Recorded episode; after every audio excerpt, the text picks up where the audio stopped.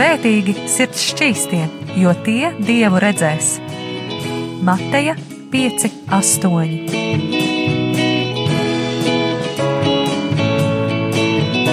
Piektdienās radio raidījums Tēva meitas.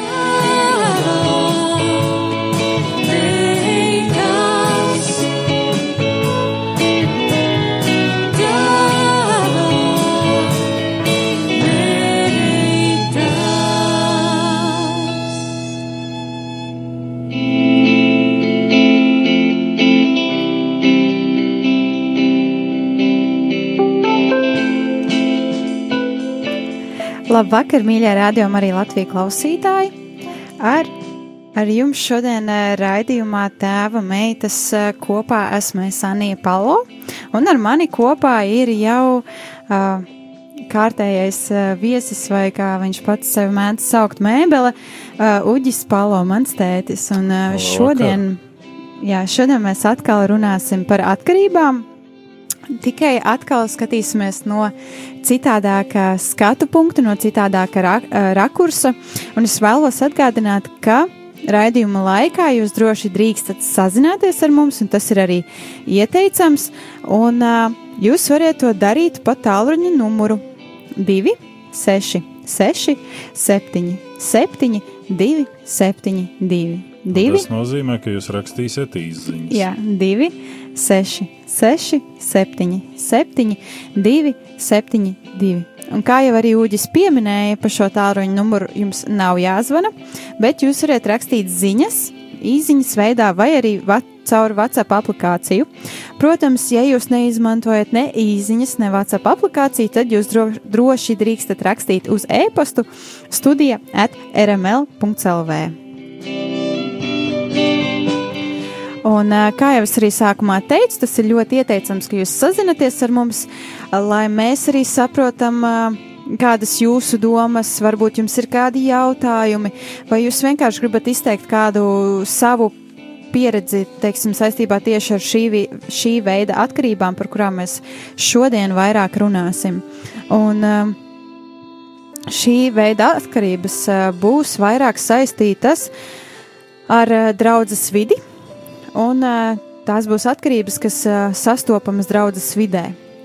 Un mēs mēģināsim arī tā diezgan konkrēti un sistemātiski iziet cauri šīm atkarībām un kādas situācijas draudzēs ir un tā, protams, mēs nerunāsim specifiski par katru atsevišķu atkarību, bet uh, vairāk tā kopistiski apskatīsim to draudzes situāciju, kāda, teiksim, ir um, draudzes locekļiem šī attieksme pret cilvēkiem, kas ir atkarīgi, bet tomēr ir arī uh, ticīgi, uzticas dievam un mēģina uzturēt ar viņu kontaktu. Un uh, arī droši vien pieskarsimies kādiem zināmiem cilvēkiem, kas ir atklājuši nu, liecības veidā, kādas viņiem bijušas atkarības, un tad kāda arī ir bijuši šī attieksme no kādiem tuviniekiem vai tieši no draudzes cilvēkiem.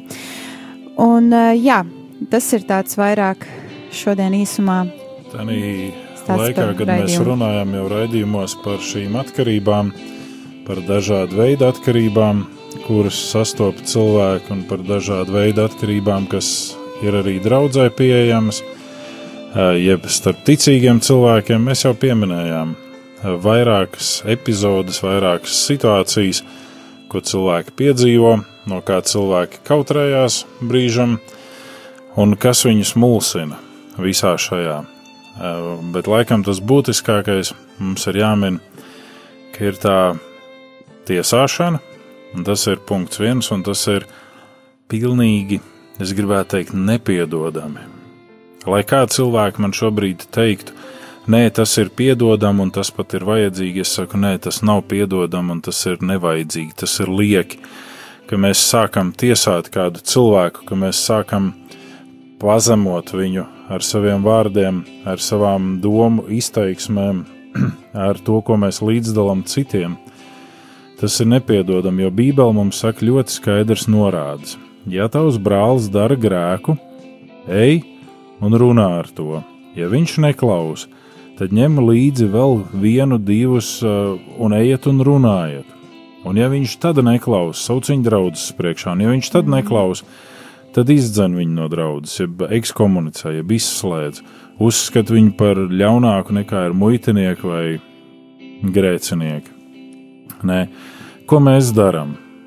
Mēs mēģinām publiskajā vidē eh, nonivelēt šo rīcību, ko brālis vai māsa dara, bet pa kambariem, pa savām ģimenes vietām, pa saviem dzīvokļiem mēs apcilājam šo jautājumu un mēs sākam spriedelēt par to, kā gan viņš vai viņa tā varēja darīt. Jā, reizēm tās lietas, ko cilvēki dara, mūs var uh, samulsināt. Bet tad, kad mēs to redzam pie saviem bērniem, mēs arī šādi pat rīkojamies. Nē, tad ieturēsim vienādu attieksmi pret visiem mm. cilvēkiem. Pagājušajā vasarā man bija kāda situācija, kur kāds uh, brālis pienāca pēc dievkalpojuma klāt un norādīja uz kādu baznīcēnu motociklu un teica, kā iet kopā šīs divas uzlīmes. Viena ir ar kristīgu simboliku, un otra ir ar nāves simboliku, jeb miroņu galvu. Un tajā brīdī man atbilde viņam bija, kas viņu tik ļoti uzvelk, vai viņš grib vienkārši kašķēties. Nē, nē, nē, es tikai tā gribēju jautāt, kā tas iet kopā. Es to brīdi noklusēju, un es arī nevēlos šobrīd publiskot e, to problēmu, bet tā ideja ir tāda, šis brālis, es, Anija, daudz klausītāju jūs, mēs savā ikdienā darām kādas lietas, par kurām varētu jautāt, kā tas iet kopā ar mūsu ticību. Un mēs zinām vienu, pat gadījumos, kad baznīca it kā mūsuprāt attaisno grēku, tā neattaisno grēku. Baznīca pasniedz mums otro iespēju, kuru mēs uztveram nevis kā otro iespēju, bet kā attaisnojumu mūsu grēkam, jeb kā brīvlaišanu mūsu grēkam, un mēs turpinam darīt šo grēku. Un tas ir tas paradoks. Baznīca nemāca uz grēku. Baznīca nesaka, ejiet un dariet jūs šādi vai tādi, bet tajā brīdī, kad mums tiek pasniegta šī brīvlaišana, tajā brīdī, kad mēs nožēlojam to un sakam, jā, man ir tik grūti, un es cīnos, un nesanāk, eh, priesteris, mācītājs, kurš arī pieņem mūsu grēksūdzību šīs diskusijas, Viņš saka, labi, nu, celsimies kopā, iesim kopā, soli pa solim. Un cilvēks to uztver kā tādu nevis otro iespēju, bet kā tādu alibi viņa grēkam. Un tad mēs nonākam tādā strupceļā, un es negribētu šovakar daudz laika veltīt teoloģiskām diskusijām un strupceļam, bet es vairāk gribu paskatīties uz to, ka cilvēki, kuri pilda mūsu dievnamus, ir cilvēki, kuri paši ir piedzīvojuši klupšanas, un reizēm varbūt pat ļoti tādā sevis kontrolas veidā tikuši ar šīm klupšanām galā. Un tad viņi sāka bakstīt citus. Un citā gadījumā aiz tā faktora, ka viņi baksta citus, kuri klūp redzamos veidos, viņi noslēpj savus neredzamos veidus. Viņi noslēpj to, ka viņi patiesībā paši nedzīvo dzīvi, kādu vajadzētu dzīvot. Jo tad, kad Dievs mums pasniedz glābšanu, tad, kad mēs saņemam šo pieņemšanu šajā Dieva ģimenē, draudzē, baznīcā, tad ir runa, ej un negrēko vairs, ej un lai ar tevi nenotiek kas ļaunāks. Jēzus to pasaka ļoti konkrēti apstuļus, ja mēs lasām apstuļu vēstules, mēs atkal redzam šo te, uh, faktu apstiprinātu. Esat saņēmuši, tad dzīvojiet kā gaismas bērni. Ne? Ko mēs darām? Mēs paklūpam šajā situācijā. Citkārt, varbūt mēs pat nepaklūpam, mēs vienkārši atrodam veidu, kā sevi attaisnot. Un tad mums sākās šie visi, visi tā dara, citi arī tā dara, citi vēl trakāk dara. Ne? Neskatīsimies uz citiem, skatīsimies uz sevi. Apostols Pāvils saka, lai citiem sludinot, es pats nekļūtu atmetams. Līdz ar to, lai baznīcas vidē nenonāktu faktors, ka mēs redzam baļķus, savā acī neredzam, bet skabargas citu acīs redzam.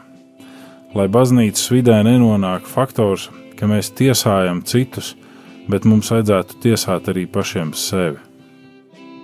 Būt godīgiem, un stingriem un noturīgiem arī pret sevi. Un, gan savā draudzē, gan savā mājas vidē, ik pa brīdim man ir nācies cīnīties ar šo jautājumu.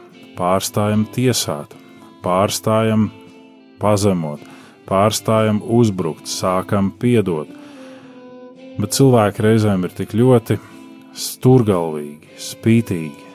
Viņi izvēlās šo nedzirdēt, viņi izvēlās šo nepieņemt. Viņi izvēlās vainot visu pasauli savās problēmās, tikai neredzēt sevi. Paskatīsimies, ko Dieva vārds mums par šo jautājumu saka. Es lasīšu jauno tulkojumu, Galatiešu vēstuli 5. nodaļu no 19. panta. Miesas darbi ir skaidri redzami. Tie ir netiklība, nešķīstība, izlaidība, kalpošana elkiem, pūšļošana, ienaids, ķildes, greizsirdība, dusmas, patmīlība, nesaticība, šķeltniecība, skaudība, dzeršana, dzīrošana un tam līdzīgas lietas, par kurām es jūs tagad brīdinu, tāpat kā jau iepriekš esmu jums sacījis, ka tie, kas tādas lietas dara, dieva valstību neiemantos. Mēs sakam, bet kā? šādi cilvēki ir mūsu draudzēs. Reizēm, piedodiet, pat šādi cilvēki ir uh, visspējīgākie un varošākie atbalstīt draugus ar savām finansēm un visu pārējo. Kā tad mēs tagad šiem cilvēkiem norādīsim, ka viņi dara sliktu, viņi aizies, apvainosies un, un viss? Dieva vārds saka, ka šādi cilvēki patieso draugu neiemantos ja viņi neieiet patiesajā draudzē. Un patiesā draudzene nav tā, ko mēs nosaucam pēc saviem sarakstiem par draugu vai konfesiju, bet patiesā draudzene ir tā, ko Kristus uzskata par savu līgavu. Un vai nu šis cilvēks pievienojas šai līgavai, bet tad šī līgava tiek sagatavota bez traipa, krunkas, tam līdzīgi defekti, vai nu šis cilvēks nepievienojas, jo defektains, krunkains, kārpains nevar būt līgavas daļa. Ja skaidri raksts mums pasaka, ka Kristus savu līgavu sagatavo bez jebkāda defekta. Attiecībā uz draugu, un Dieva valstība ir sinonīms draudzai. Mm. Un tā tad nāk cilvēks, tuvojās draudzai, bet grib saglabāt savus vecos ieradumus, savus vecos grēka darbus, savas vecās atkarības. Līdz ar to nevar kalpot diviem kungiem. Atkarība ir kungs. Un Jēzus saka, vai nu dievam, vai nu sātanam. Atkarība nāk no tās ierosinātāja sātana. Labi, šajā brīdī izklausās, ka mēs esam destruktīvi notiesājuši sātanu un pateikuši, ka viņš ir visu ļaunumu sakne. Jēkabs saka pavisam vienkārši, katru kārdinu viņa paša kārība. Mm.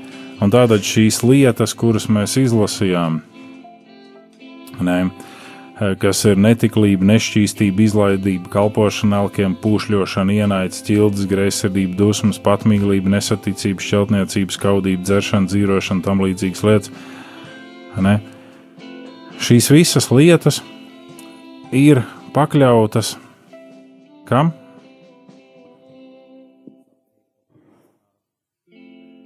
Cilvēka paša iekārēm, cilvēka paša uh, dabai, kurā viņš uh, necīnās pretīm šīm iekārēm. Jēkabs saka, katru kārdinu viņa paša kārība. Un tātad, ja manī ir kārība, un es esmu diagnosticējis savu kārību, jeb savu atkarību, un tas ir vienmēr labi paēst, tas nenozīmē, ka tāpēc man ir tāds vēderiņš, kāds man ir. To es varētu jums kādreiz pastāstīt, kāpēc man tāds ir, bet ne šeit raidījumā. Ne? Bet runa ir par to, ka man patīk garšīgi paēst. Un tad, kad es pats taisu ēdienu, es mēģinu kaut ko safinglērēt tādu garšīgu un, un, un, un labu Ne? Uh, un, un tāpatās, ka es gribu baudīt ēdienu, es gribu, lai tas ir garšīgs un labs. Ne? bet tā ir mana kārība, un man ir jācīnās ar to, cik es uzlieku savā ēdienu porcijā, lai tas nebūtu pa daudz. Parasti mēs sakām, nu jā, nu tur uh, saulespuķa sēklas, ja viņas ir uz galda, tad gribās apēst visas. Uh, tas ir tāds paradums. Ja popkorns ir un mēs skatāmies televīziju vai filmu kādu, tad gribās apēst visu. Un čips ir tieši tāpat, un, un, un vēl virkne tas, ko tautā sauc par mērķa barību bet mēs jau to varam kontrolēt. Bet mēs negribam. Un līdz ar to mēs pakļaujamies šīm kārībām. Un tad, kad mēs skatāmies uz citu veidu kārībām, kuras ir stipri līdzīgas, kādā brīdī cilvēks it kā to kontrolē, it kā nekontrolē, un tad pienāk viens brīdis, kad viņš vairs nespēja to kontrolēt, vairs nekādā veidā viņš nespēja to kontrolēt. Ne? Un tad mēs sakām, nu, viņš ir atkarīgais. Un tad mēs sākam viņu tiesāt. Tad mēs sākam norādīt ar pirkstiem uz viņu. Praviešu iesaistas grāmatā, 58. nodaļā, Dievs saka caur pravieti iesai tādus interesantus vārdus uz tā brīža tautu. Es to līdās atšķiršu, un mēs varēsim izlasīt kopīgi. Ne? Un Dieva teksts ir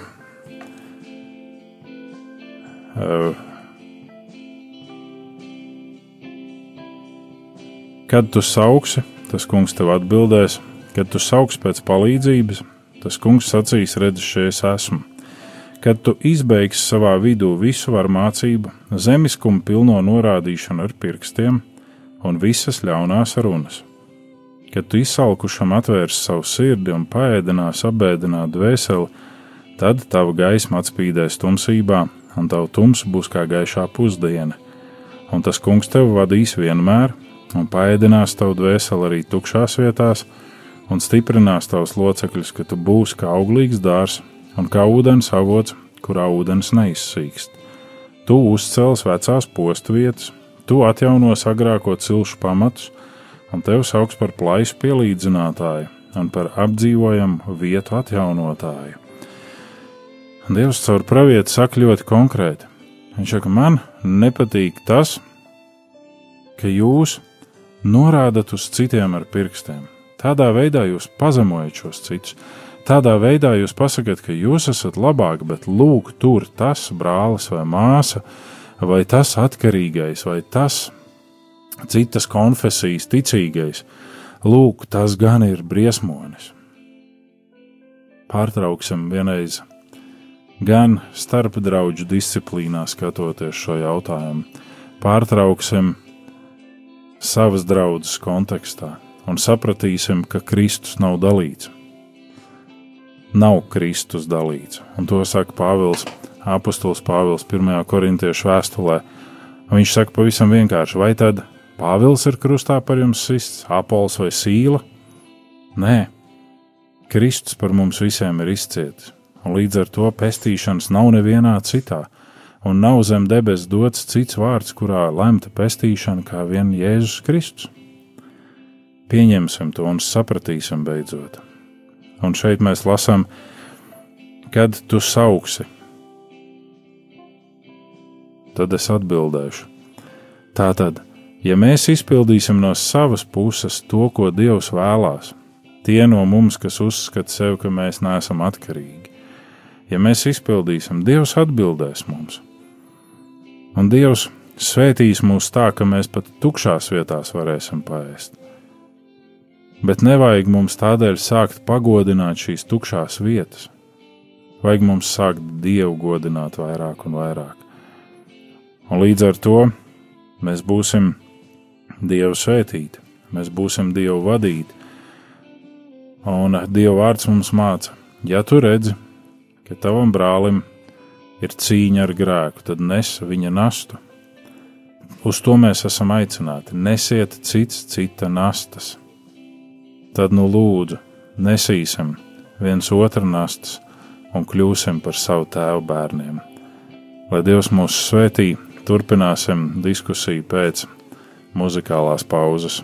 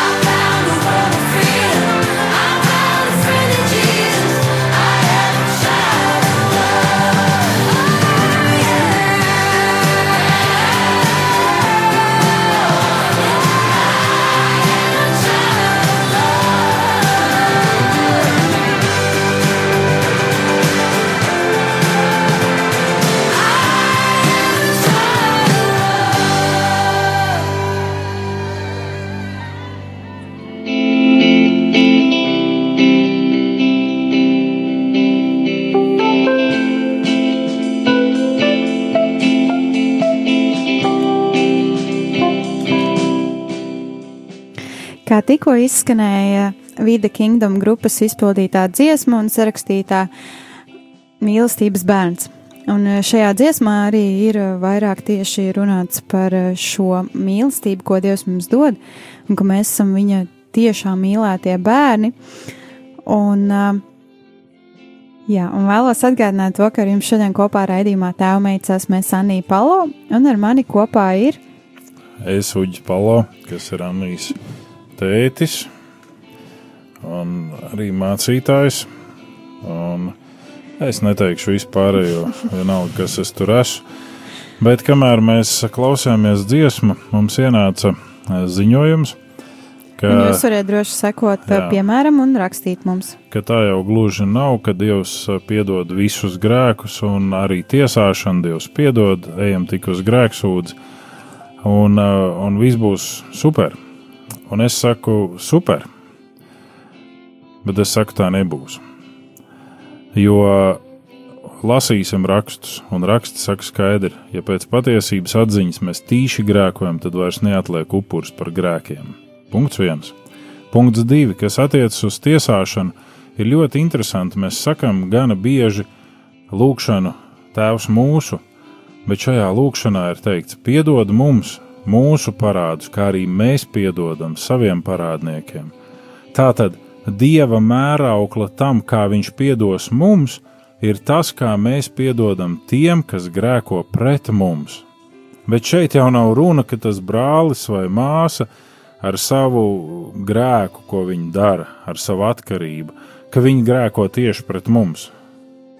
Ja mēs neesam viņa ģimenes locekļi, fiziskās ģimenes locekļi, un ja, piemēram, šis brālis ir alkohola atkarīgs, ne jau viņš no mūsu mājas iznes mantas, ne jau viņš mums dara pāri, pirmajā kārtā. Viņš dara pāri kādam citam cilvēkam, jeb māsa ir tāda pati. Bet tiesājam jau šos cilvēkus mēs, mēs jau sakam, kā tā var darīt. Un tā tad viņi nav parādā mums neko, bet mēs viņus tiesājam. Un tikpat var jautāt, Dievs, a kā tu vari darīt vienu vai citu vai trešo lietu? Kā tu vari rīkoties šādi vai savādāk? Es taču tev esmu piedevis, es tev esmu šķīstījis, es tev esmu virzījis uz pilnību, un tu vienkārši ņem un, un tagad tiesā kādu. Un tu ņem un vienkārši dari šo vai citu grēku. Kā tas ir iespējams? Mēs sakām, nē, nu, bet Dievs jau ir žēlastība. Ļoti labi, mēs gribam, lai Dievs ir žēlastība pret mums. Mēs gribam, lai Dievs ir mīlestība pret mums, lai Dievs mūs ucina, lolo, lutina, žēlo, bet ko darām mēs? Jo tik cik Kristus ir nomiris par to brāli vai māsu, kas cīnās ar savu atkarību, tik Kristus ir nomiris par mani. Un cik Dievs ir apgaismojis to cilvēku, tik Dievs ir apgaismojis mani. Un ar to apgaismojumu, ar kādu Dievs man ir apgaismojis, kā gan es varu, varu turpināt dzīvot grēkā, kā gan es vēl varu turpināt darīt ļaunu. Un mēs sakām, ak, es nabaga grēcinieks, kur mums vajadzētu teikt šos vienkāršos Bībeles patiesības vārdus: Esiet svēti, kā jūs debesu Tēvs ir svēts. Šo aicinājumu mums saka apustulis Pēters, tas, uz kura pamata ir būvēta visa baznīca. Kā mēs to mācām un sakam savās draudzēs. Tas, kuru Jēzus ir iecēlis par galveno virsganu visam. Viņš saka, esiet svēti, jo es esmu svēts. Kad tā mums māca Dievs, svēts tas ir nošķirts, nošķirts no ļaunā, piedarošs Dievam, un tas nav virs zemes levitējošs cilvēks, kurš 5 cm virs zemes pārvietojas. Tas nav kā savādāk esošs cilvēks, tas ir cilvēks, kas ir visu savu sirdi, visu savu būtību nodevis Dievam, Dieva žēlastībai, Dieva vadībai, Dieva aizsardzībai. Un tādā brīdī, kad mēs esam sev nodevuši visu Dievam, protams, kā arī tad mums sanāk izdarīt kādu vienu vai citu grēku, apzināti vai neapzināti. Un tad mēs ejam uz grēksūdzi un mēs sakām, Kungs, lūdzu, lūdzu, lūdzu, piedod mums.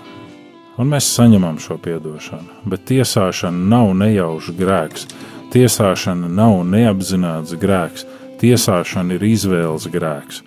Un tiesāšana ir viens no lielākajiem aspektiem, kas baznīcās un draudzēs parādās. Ar ko cilvēki nevēlas pat reizēm cīnīties. Un cilvēki saka, es tāds esmu, vai nu jūs mani pieņemat, vai nu nē, bet es tāds esmu. Mm. Kā būs, ja mums nebūs vairs par ko runāt, ja mums nebūs par ko mēlīt strīt? No kā mēs veidosim mēlīšu salātus? Ne? Bet apustulis Pāvils atbild uz šo jautājumu. Viņš saka, Kristus vārds, lai bagātīgi mīt jūsu vidū. Tātad visas savas domas vērsiet uz augšu, savas sarunas vērsiet ap Kristu, ap ticību, ap lūgšanu. Cik fantastisks ir tas brīdis, kas sanāk ticīgie kopā un var dziedāt senās baznīcā iemīļotās dziesmas vai jaunās dziesmas, var lūgties kopā, var pateikties Dievam par laiku, par iespējām, par mirkli, kas tiek dots. Jā, mēs varam runāt par skaisto zelta rudeni, kas sāk veidoties aiz loga. Mēs varam runāt par vasaras ražu, bet mēģināsim sev attālināt no kurnēšanas, mēģināsim sev attālināt no zudīšanās, kur visu laiku mēs čīkstam par to, ka mums nav tas, ko mēs gribētu, bet ir tas, ko mēs negribētu. Un pēc brīža izrādās, ka tas, kas mums ir, tas ir pats labākais. Un tad tas paldies skan tāds ļoti garām slīdošs dievam, nu, paldies, un mēs ejam tālāk un atkal čingstam. Ne? Un mēs nonākam pie tā pozitīvā. Kā jau es teicu, ka mēs ne tikai runāsim par negatīvo, bet mēs paskatīsimies arī uz to tālāko. Gara auglis ir mīlestība, miers, prieks, izturība, krietnums, labestība, uzticamība, lēnprātība, savaldība. Ne? Ir ne tikai tas negatīvais baznīcas vidū. Ļoti bieži mēs varam sastapties ar to, ka baznīcā esošie nav atkarīgi varbūt tādā veidā, kā mēs to uzskatām, ka viņi būtu atkarīgi no kādām vielām vai lietām bet uh, baznīca esošie mēdz būt atkarīgi no formām, no iedomātajām formām. Un, ja kaut kas šajās formās nav tā, kā mēs to būtu gribējuši, viss cauri. Ne? Bet šeit ir teikts, lūk, forma, mīlestība, miers, prieks, izturība, krietnums, labestība, uzticamība, lēnprātība, savaldība. Tās ir tās Eh, pozitīvās vērtības, tās ir tās dievišķās vērtības, kas runā par nozīmīgo mūsu dzīves gājumā, par nozīmīgo, par vērtīgo, par, par to, kas ir nozīmīgs mums. Mīlestība, miers, prieks. Tās ir tās ārēji redzamās lietas, tās ir tās ārēji redzamās īpašības šim gara auglim Atcerēsimies, ka nevis atsevišķi augļi ir mīlestība, un atsevišķi ir miers, un atsevišķi ir prieks, bet tieši tāpat kā jebkuram auglim ir dažādas īpašības. Viņš var būt sulīgs, viņš var būt salds, viņam var būt mīza, viņam var būt sēkliņš, viņam var būt kātiņš, viņam var būt iekšējais saturs un viss kaut kas cits. Tāpat tās arī šeit gara auglis ir rakstīts vienskaitlī. Ir mīlestība, prieks, miers. Tās ir tās lietas, kuras es pasniedzu citiem cilvēkiem. Bet ne? nevis kā masku, bet kā reāli jā, jā, savu iekšējo. Protams. Jo, jo mēdz būt arī gadījumi, kad ārēji cilvēks ir miers, prieks un mīlestība. Jā. Tikai iekšēji tur ir tiesāšana, aprunāšana un. un, un Pilnīgi. Un, un.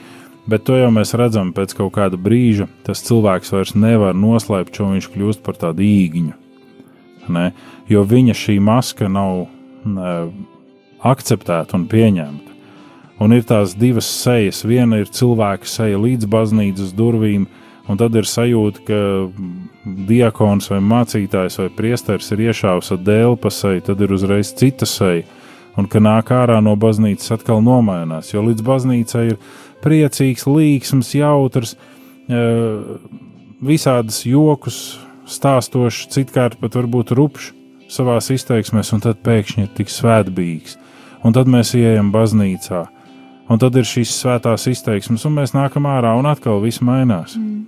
Lai gan citi varētu teikt to, ka jā, baznīcā ir jāuzvedas atbilstoši tam, kā baznīcā ir jāuzvedas, tomēr Dievs un Jēzus nav mums aizliedzis būt priecīgiem baznīcā. Viņi nav aizlieguši pateikt iespējams kādu jautru joku, tā ka tiešām arī citus var iepriecināt. Uh, Nav aizliedzis kādreiz izteikt kādu komplimentu sev tuviem cilvēkiem, vai arī netik tuviem cilvēkiem, vai aiziet vienkārši baznīcā novēlēt kādam labu dienu. Uh, jā, bet uh, interesanti ir šis moments. Jēzus saka, tad, kad tu aicini kādu ciemos, aicini tādu personu, kura tevi nekad nevarēs uzaicināt ciemos. Un nevienmēr tas ir tikai šis materiālais ārējais status. Uh, varbūt izlasa to ziņu, kas mums ir ienākusi pašlaik. Ne, kamēr es te runāju. Bet nu, skaļi. ne. Bet tā ideja ir tāda, ka šis cilvēks ir tik ļoti nocīnījies ar savām šīm atkarībām, ar savu šo cīņu ticības, ka viņš vienkārši ir salūzis un viņš nevarēs tevi uzaicināt vismaz ne tuvākajā laikā pie sevis ciemos. Bet tu viņu vari uzaicināt. Mm. Un tajā vietā, kur tu gribētu viņu bakstīt ar pirkstu, uzaicini viņu uz tās tējas, uz kādām cepumiem, maizītēm. Kaut nezinu. pastaigu ārā. Jā, un, un saki, brāli, māsa, piedod, es tev esmu tiesājis. Bet kā es varētu tev būt palīdzīgs šobrīd? Es gribētu lūgt par tevi, es gribētu tev palīdzēt, es gribētu reāli iesaistīties. Kā es varu tev palīdzēt? Ne? Šajā brīdī es arī izlasīšu kādu ziņu, kas mums ir uh, tieši sajiet kopā šajā tēmā, ko kāds klausītājs ir arī atsūtījis. Tiešām aktuāla tēma, un es ar to reāli cīnos. Un cīņa sāk kļūt auglīga tikai tad, kad to ieraugu un atzīstu. Un tas, ka tā ir atkarība, pierāda tas, cik smagi ar to ir jācīnās. Atslēga - mīlēt šo cilvēku, kuru aprunāju, svētīgo piedzīvot, kad arī pats tiek aprunāts un tiesāts, un tad redzēt, cik šis grēks ir riebīgs. Amen.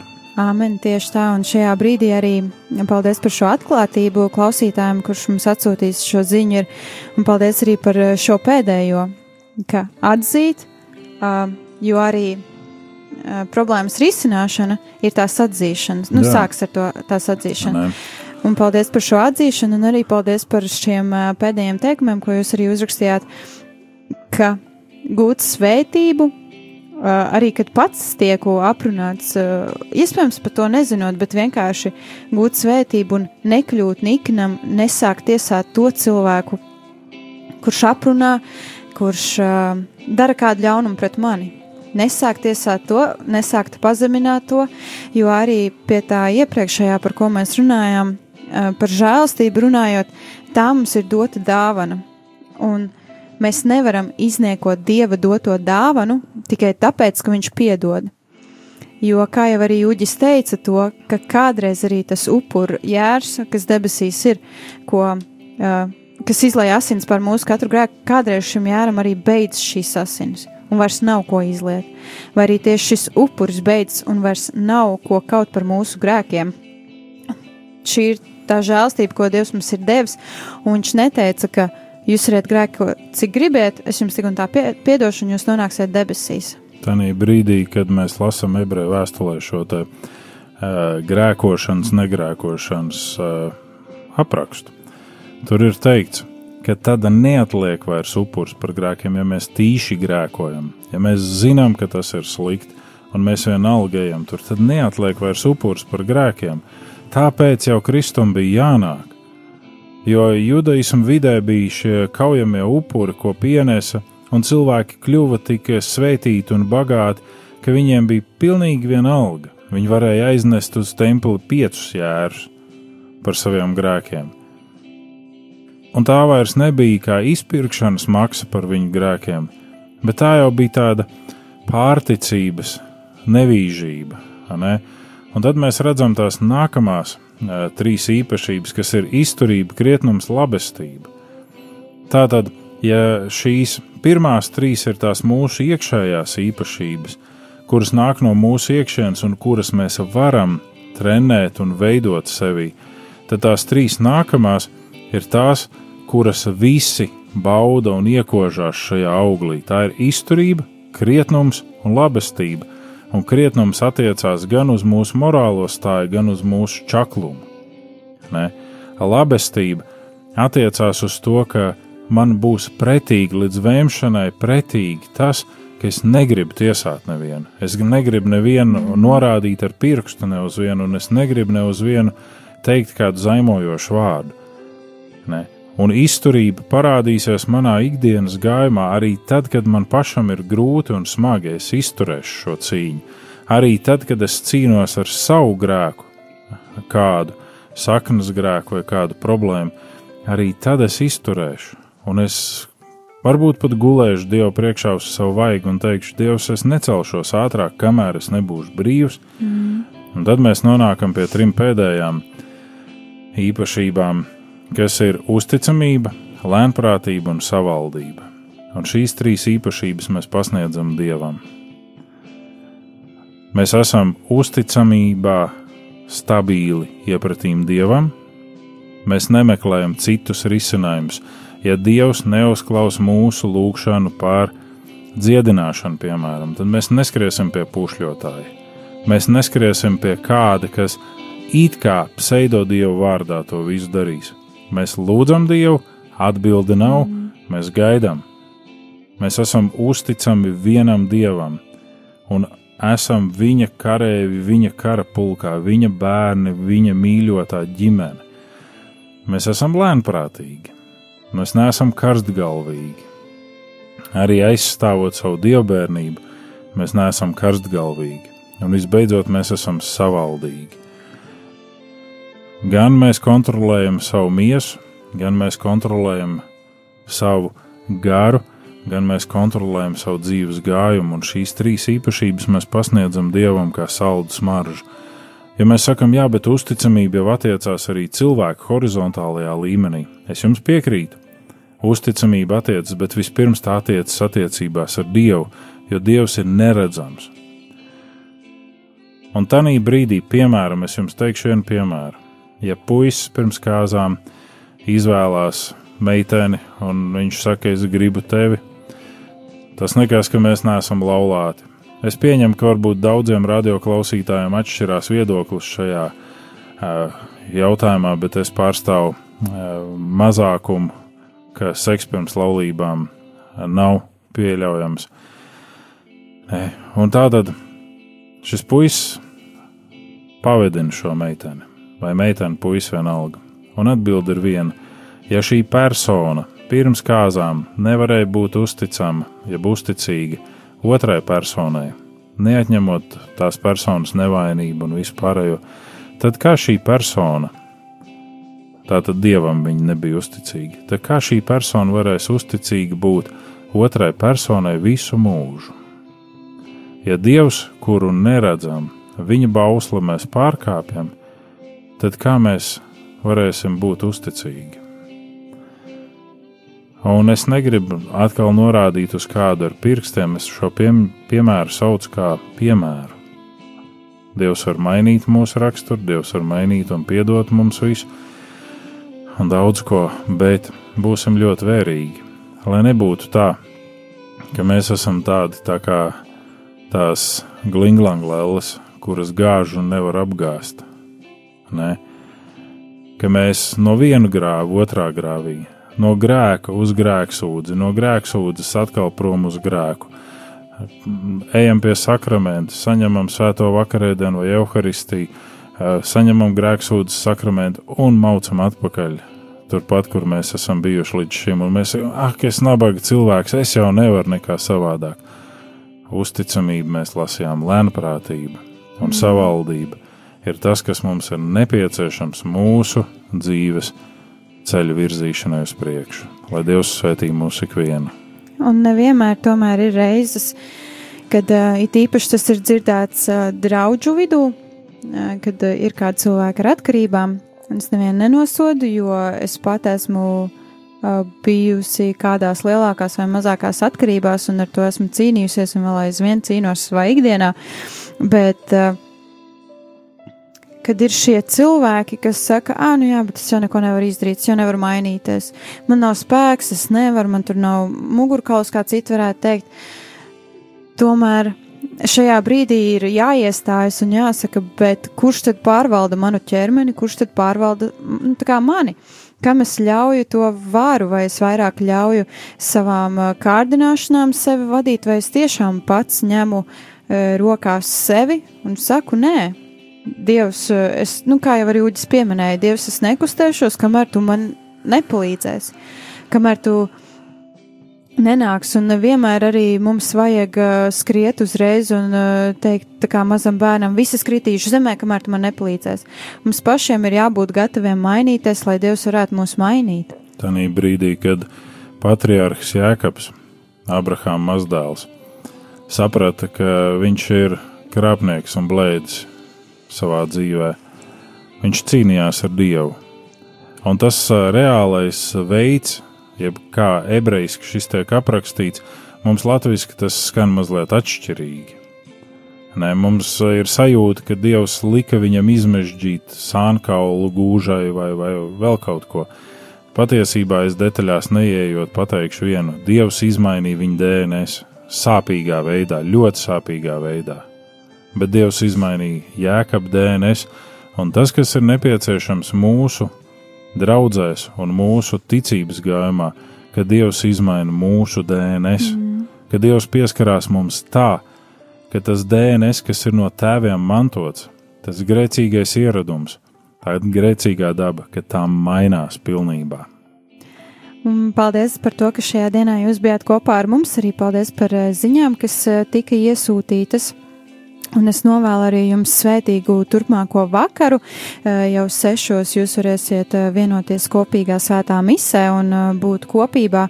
Un, um, Jā, novēlu arī jums svētīgas brīvdienas, un tad jau arī uz tikšanos nākamajā nedēļā, nākamajā piekdienā. Ar jums šodien kopā biju es Anija Palo. Un es Uģis Palo, lai Dievs jūs ikvienu svētī. Lai Dievs svētī.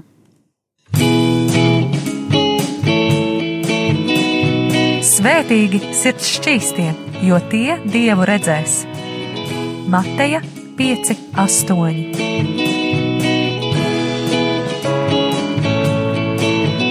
Piektdienās radio raidījums Tēva meitas.